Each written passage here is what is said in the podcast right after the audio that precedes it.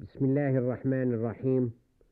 وصلى الله وسلم على سيدنا محمد وآله وصحبه أجمعين. مستمعي الكرام السلام عليكم ورحمة الله وبركاته. اليوم نعرض لإسلام صحابي جليل. كان إسلامه خيرا لنفسه ولقبيلته غفار ثم امتد خيره إلى قبيلة أسلم. حين دعا رسول الله صلى الله عليه وسلم لهما إذ قدمتا عليه وهو بالمدينة المنورة ولم يكن.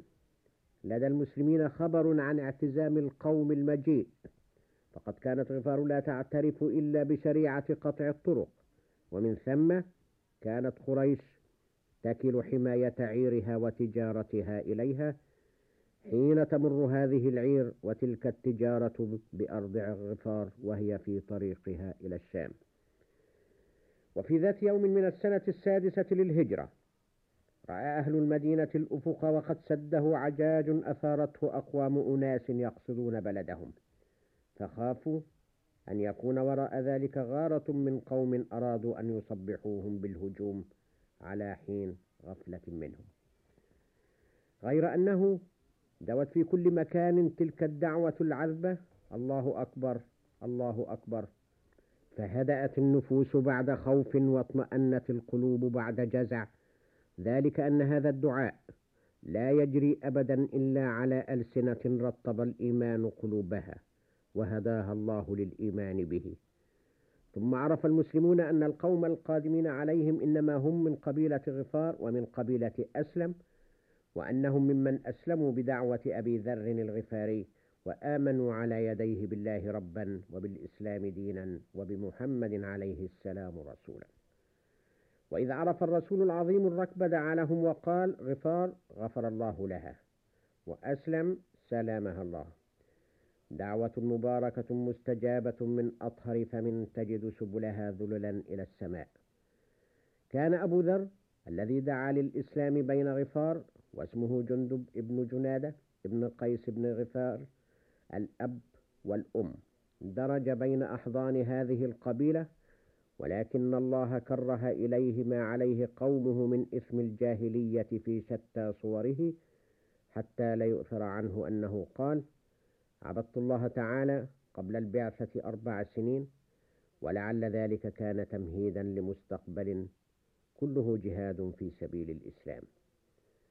ولقد سمع أبو ذر وهو في عشيرته وبين قومه الناس يتحدثون عن شخص ظهر في مكة اسمه محمد بن عبد الله وأنه يدعو لدين. حين سأل عنه أبو ذر أدرك أنه ليس مثل ما عليه العرب من شرك ووثنية. كما أنه سمع الناس حوله يتحدث بعضهم إلى بعض بأن ابن مكة يقول إن الخبر يأتيه من السماء فراح جندب يسأل من يتوسم فيهم العلم بخبره وما يدعو إليه فتبين مما تجمع لديه من أقوالهم أن فيما يبشر به ابن مكة أمورا هي أبعد ما تكون عن نسج الجاهلية وأنها فوق ما يروى عن لسان المتألهين. وزادت حيرة أبي ذر وازداد لهفة لأن يعرف أكثر مما عرف عن هذا الدين. وعن صاحبه وعن خبر السماء. فبعث بأخ له إلى مكة يستقصي له الخبر وأمره أن يسعى للقاء محمد بن عبد الله عليه الصلاة والسلام ويسمع ما يجري به لسانه وما يحدث به قومه وما يتحدثون به عنه حتى إذا وقف على ذلك كله عاد إليه فأخبره بما رأى وبما سمع وصدقه الأمر.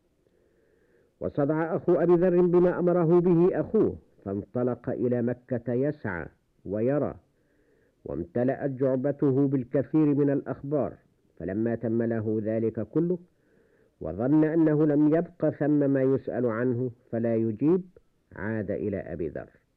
عاد لتبدأ خطوة جديدة على طريق إسلام أبي ذر الغفاري. مستمعي الكرام شكرا لكم على إصغائكم. وإلى حديث الغد إن شاء الله تعالى. والسلام عليكم ورحمة الله وبركاته.